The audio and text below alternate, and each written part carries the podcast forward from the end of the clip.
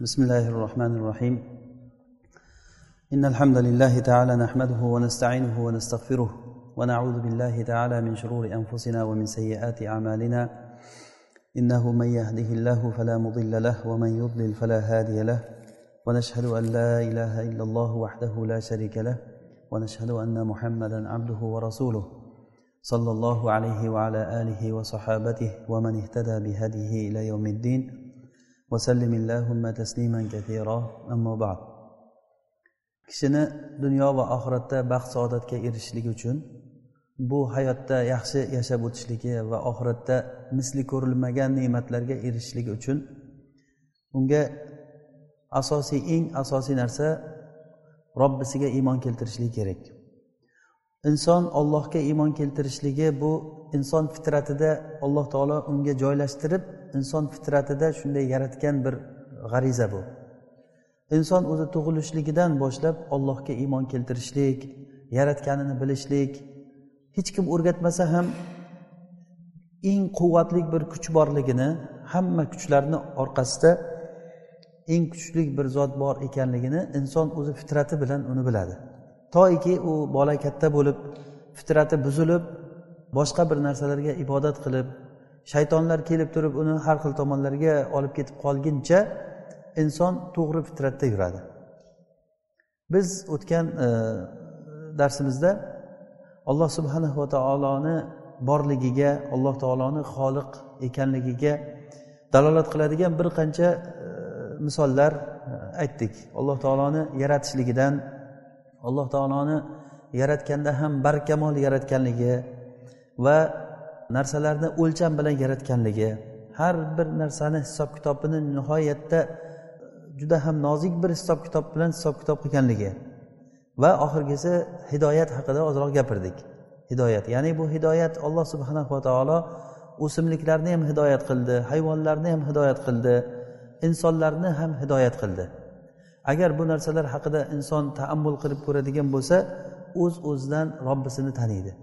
Bugungi kunda hozir biz uchun eng yetishmaydigan narsa robbimizni tanishlik alloh taologa yolvorishlik alloh taologa qaytishligimiz kerak.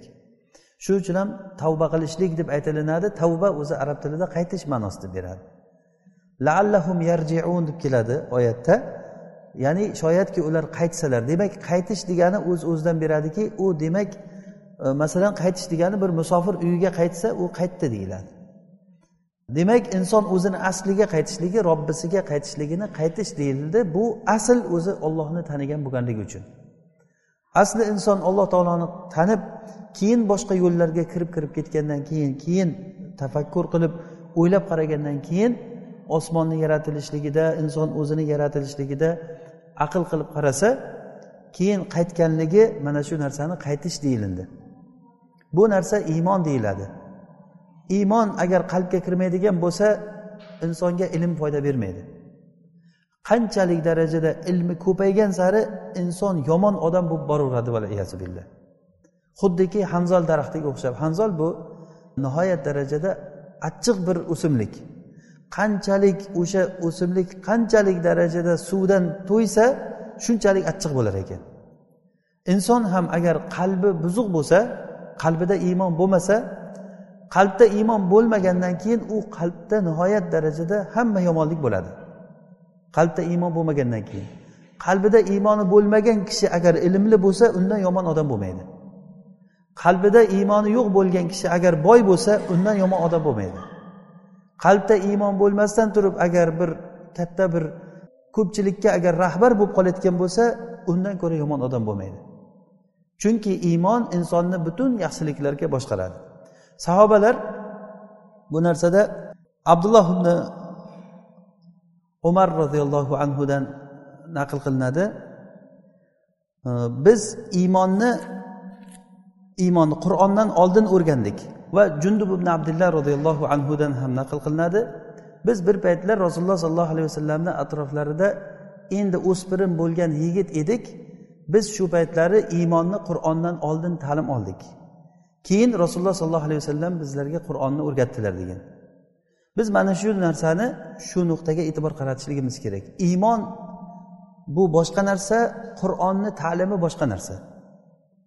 Shuning uchun ham ba'zi ba'zi bir qori kishilarni ko'rasiz iymondan xoli bo'lgan holatda ba'zi bir ilmli kishilar ba'zi bir qori degan odamlar odamlarni ko'zicha yaxshi bo'lib ko'rinadigan odamlar robbisi bilan o'zi xoli qolgan paytdagi uni holati xuddiki e, bo'rini ustiga qo'yni terisini yopib olgan odamdek bo'ladi. Odamlarni ichiga chiqsa xuddi qo'y shaklida bo'ladi.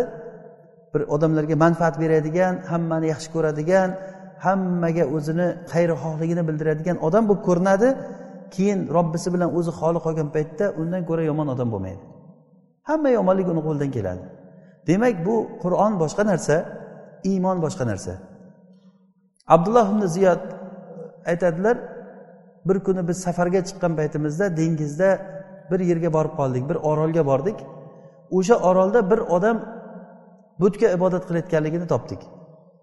Butga ibodat qilayotgan ekan keyin biz u odamga aytdikki mana bu bizni kemamizda kelgan kishilarni ichida mana shu sen ibodat qilayotgan butni yasaydigan kishi bor dedik. Xuddi shunga o'xshagan butni yasay oladigan odam bor.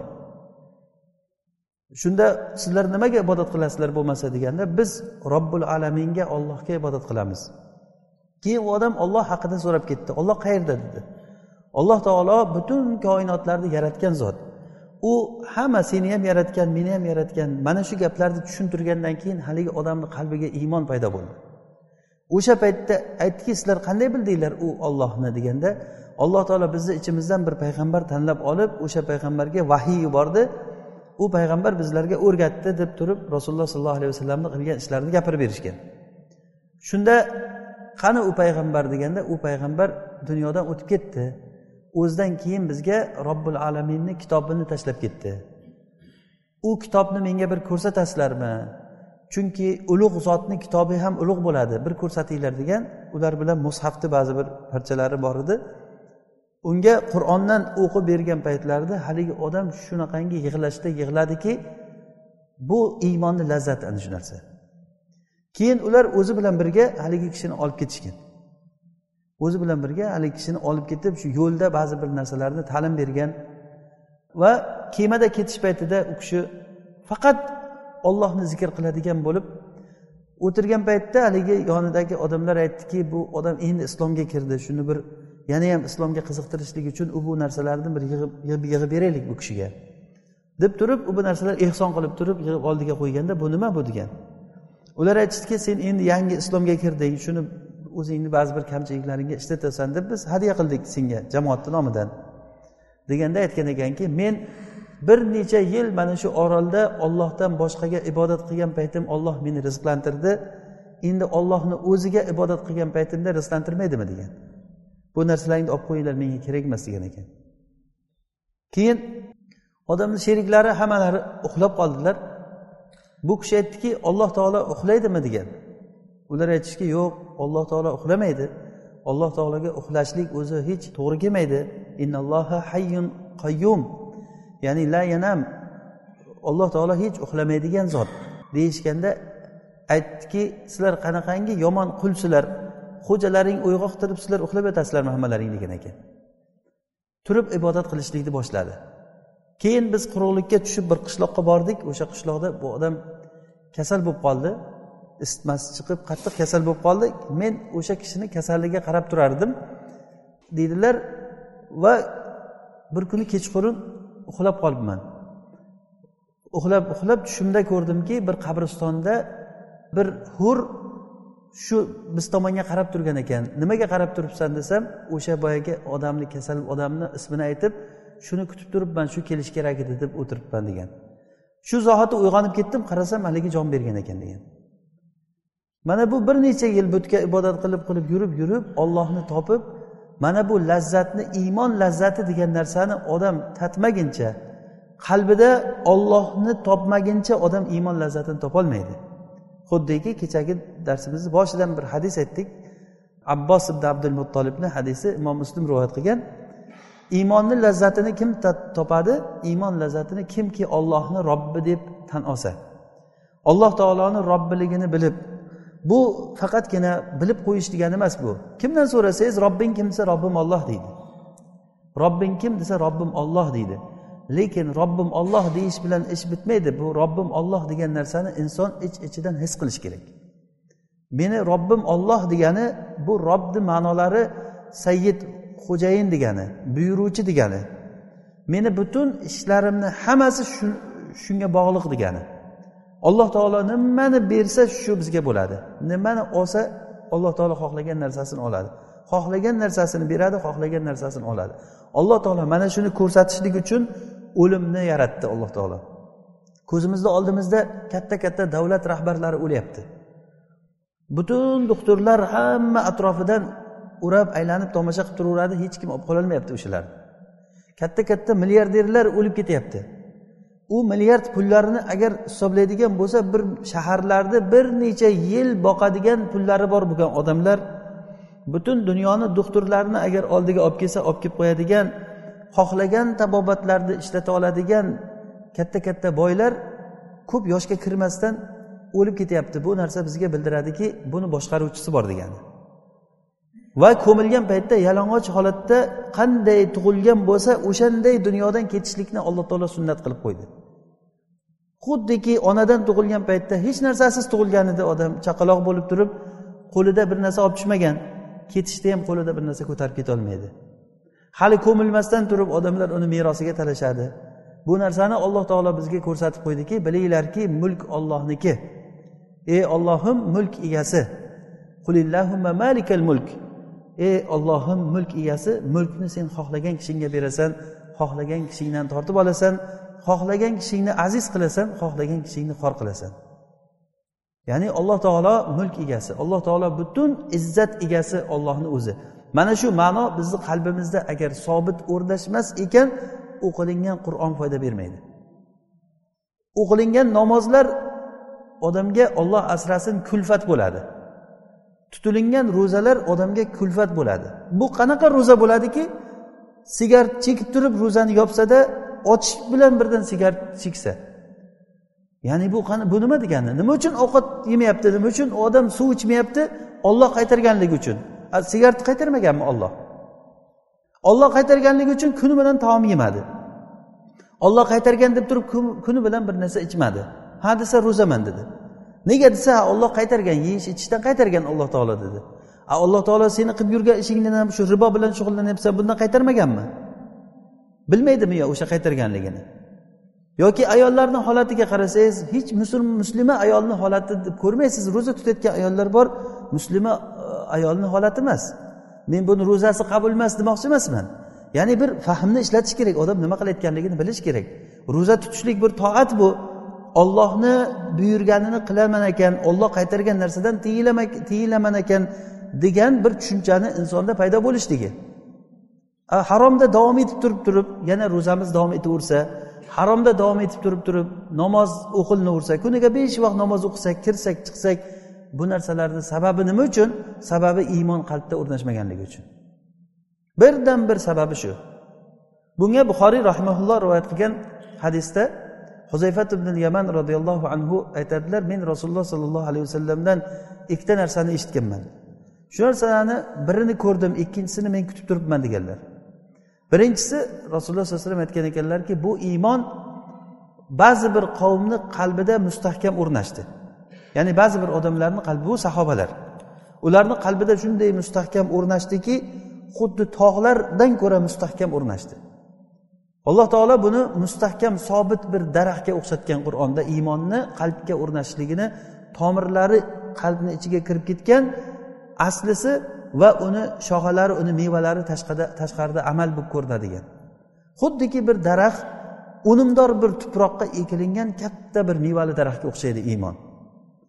Qalbdan qalbda bu iymonni urug'i bo'ladi va o'zini samarasini tashqarida amal qilib ko'rsatadi. Agar tashqarida amal bo'lmayaptimi?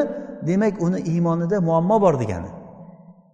Kimniki agar qalbidan olloh taolo qalbiga bo'lsa u odamni ollohni qalbidan agar tanisa u odam amal qilmay iloji yo'q. Amal qilmay iloji yo'q. O'z uz o'zidan amal qiladi. Keyin haligi kishilar iymon qalblariga o'rnashgan kishilar qur'on ta'lim olishdi. Keyin sunnatni ta'lim olishdi.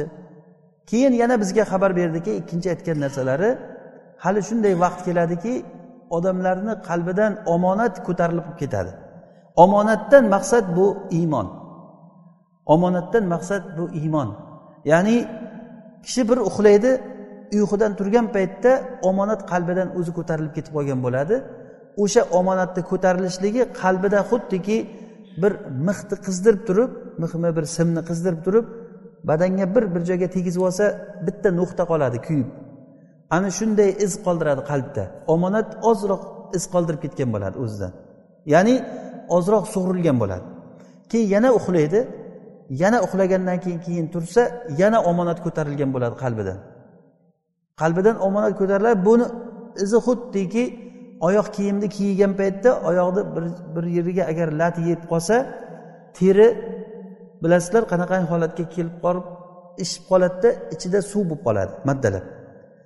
Xuddi o'shanday qalbda iz qoladi degan ekanlar.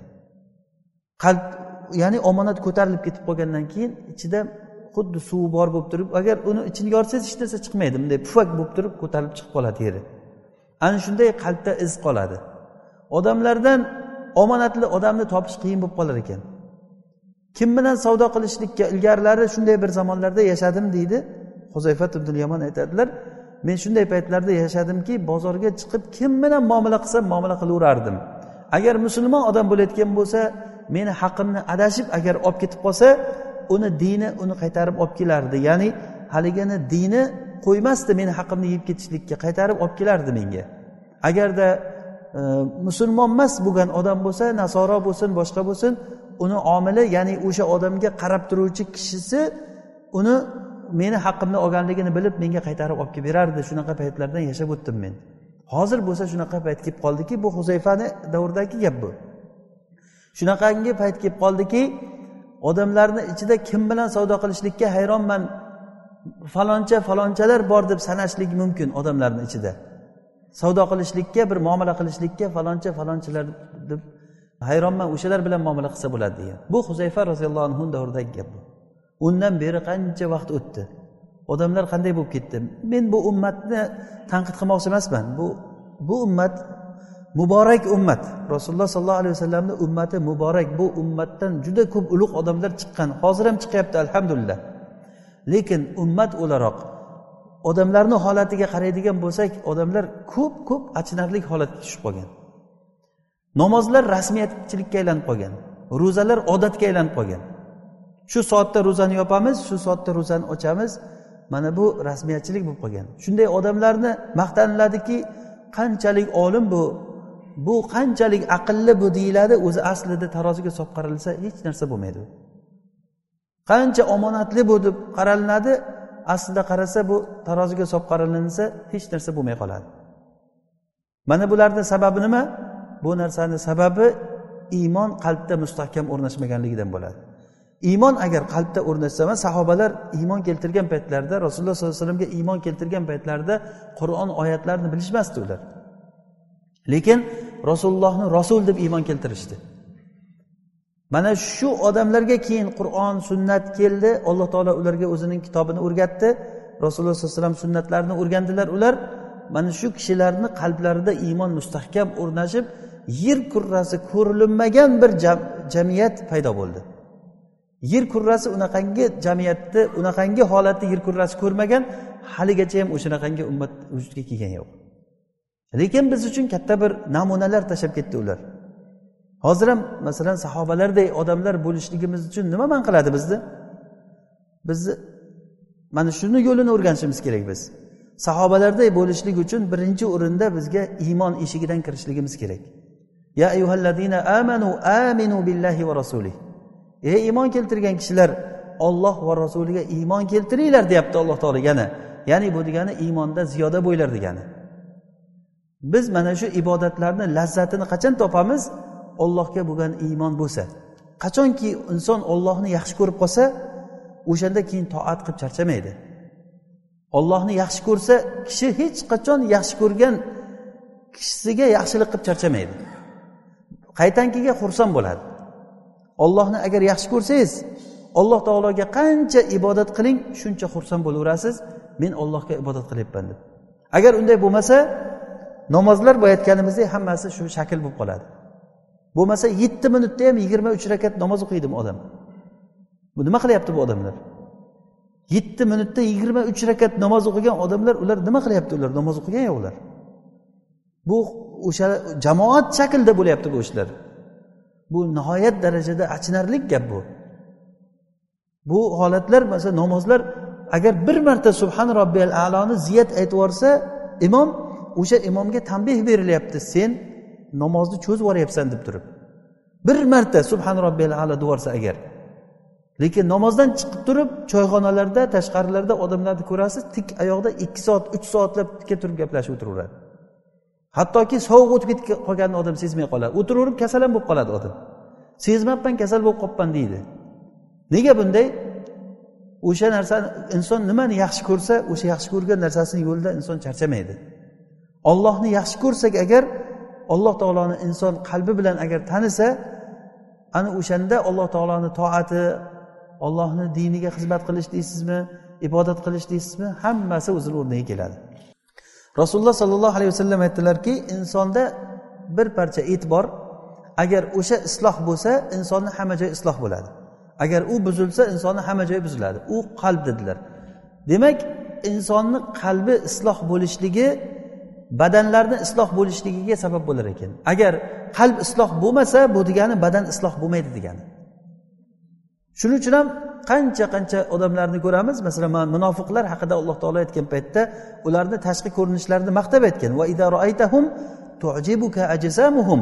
Agar siz ularni ko'rsangiz ularni jismlari sizni ajablantiradi. Kiygan kiyimlari ularni o'zlarini tutishliklari ularni holati sizni ajablantiradi. Va agar ular gapirsalar gaplariga quloq solib qolasiz chiroyli gapirganligidan. Lekin qalblarida iymon o'rnashmagan. Mana shu narsa bizga kerak bo'lgan narsa shu. Bizni najot toptiradigan narsa shu. Dunyoda ham oxiratda ham bizga najot berayotgan narsa shu. Ey iymon keltirgan odamlar ollohga iymon keltiringlar. Biz iymon keltirganmizku deb o'ylashimiz mumkin. Lekin iymon deganda qo'shtirnoq ichidagi iymonni aytmayapman men. Olloh va rasuli xohlagan iymon. Ollohga iymon keltirishlik biz o'zimizni ollohga qul ekanligimizni ollohga haqiqiy ya'ni qul deganda olloh nimani buyursa shuni buyuradigan qiladigan odamlar ekanligimizni his qiladigan iymon bo'lishlik kerak. Olloh payg'ambarlarni mana shu bilan yubordi. Insonlarni o'zlari xohlab turgan narsaga ibodat qilishlikdan robbul alaminga ibodat qilishlikka chiqarishlik uchun payg'ambarlar yubordi.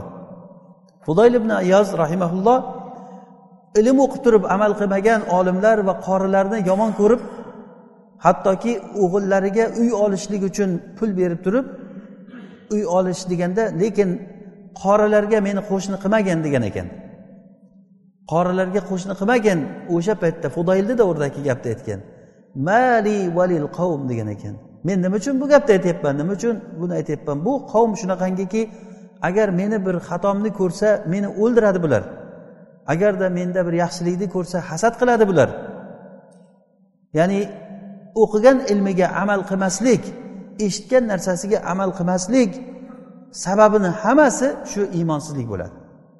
Bo'lmasa oddiy oddiy narsalar masalan riboni haromligini butun dunyo biladi. Lekin butun dunyo shu bilan shug'ullanadi. Unisi u deydi bunisi bu deydi. Ba'zi bir ahli ilmman degan odamlari shu narsalarga ruxsat topib beradi. Busiz bo'lmaydi hozir rivojlanib ketgan davrda yashayapmiz.